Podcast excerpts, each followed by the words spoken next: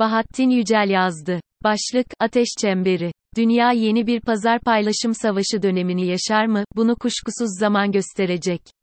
Ancak belirtilerin sıcak çatışmalarla Ukrayna-Rusya savaşı ile ortaya çıktığını öne sürmek, iddialı bir yorum sayılmaz. Boyutlarını şimdiden kestiremeyeceğimiz bu çatışmaların, Türkiye'yi ilgilendiren yanı diğer ülkelerden çok daha fazla.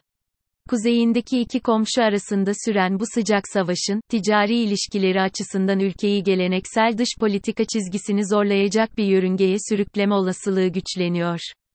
Suriye'deki gelişmeleri ve Türkiye'nin kamuoyuna pek yansımayan, askeri ve savaş ekonomisine dayalı ilişkiler dikkate alındığında, çevremizde bir ateş çemberi oluştuğuna hiç kuşku yok. Doğu sınırlarımızda da ilginç olaylar yaşanıyor. Azerbaycan ile Ermenistan arasındaki çatışmanın ardından, kurulan yeni dengenin özellikle Fransa üzerinden sarsılmasını tetikleyecek girişimler, sonunda Türkiye'yi de ilgilendirecek tehlikeli bir süreci başlatabilir. Rusya-Türkiye işbirliği denkleminde yer alan, Azerbaycan ile İran arasında birden ortaya çıkan gerilim örnek verilebilir.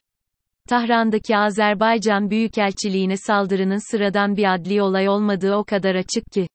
Enerji konusunun gündemi belirleyen nitelik kazanmasıyla, bölgede önceden rastlanmadık gelişmeler de yaşanıyor.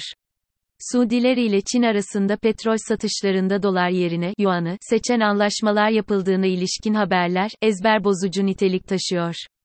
Çin'in AB ve İngiltere'deki beklentilerinden en azından bu dönemde vazgeçtiğini gösteren gelişmeler yaşanıyor.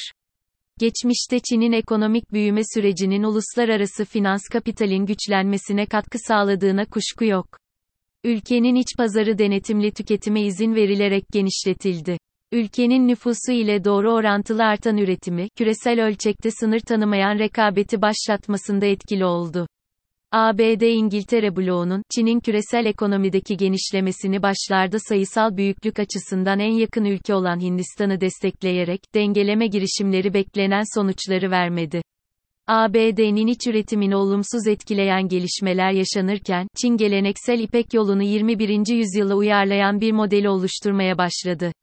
OBOR Van Belt Van Road adı verilen bu proje bağlamında, Akdeniz ve AB pazarı ile İngiltere'yi de kapsayan yeni bir etki alanı yaratılması hedeflendi. Ardından, eski dünyada 16. YY başlarından itibaren siyasal gelişmeleri ve doğal olarak ülke sınırlarının değişmesini tetikleyen, küresel ticaret yollarının ele geçirilmesi konusu, İkinci Dünya Savaşı bitiminden bu yana bir kez daha gündeme geldi. Süreç içinde Yunanistan ve İtalya'nın ardından İngiltere'de Çin ticaret bölgeleri oluşturmaya başlanması, geleneksel Anglo-Sakson ittifakını yeniden inisiyatif almak için harekete geçirdi.